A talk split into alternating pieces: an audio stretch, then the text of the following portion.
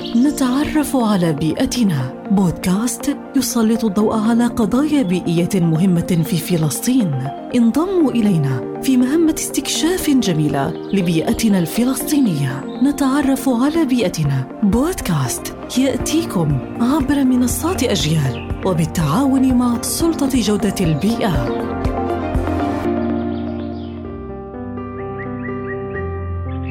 التخفيف من آثار تغير المناخ. يشير التخفيف إلى أي إجراء تتخذه الحكومات والمجتمعات والشركات والأفراد لتقليل انبعاثات غازات الاحتباس الحراري أو منعها. تشمل أمثلة التخفيف الانتقال إلى الطاقة المتجددة مثل الرياح والطاقة الشمسية والاستثمار في وسائل النقل الخالي من الكربون وتعزيز الزراعة المستدامة واستخدام الأراضي وزراعة الغابات لتكون بمثابة بالوعة للكربونات. وتغيير ممارسات الاستهلاك وسلوكيات النظام الغذائي. وللحد من ظاهرة الاحتباس الحراري إلى واحد ونصف درجة مئوية والتي حددها العلماء كحد أدنى قبل حدوث تأثيرات مناخية لا رجعة فيها. يجب على العالم اتخاذ إجراءات تخفيف للحد من انبعاثات غازات الاحتباس الحراري بنسبة 45% قبل عام 2030 والوصول إلى صاف انبعاثات ثاني أكسيد الكربون صفري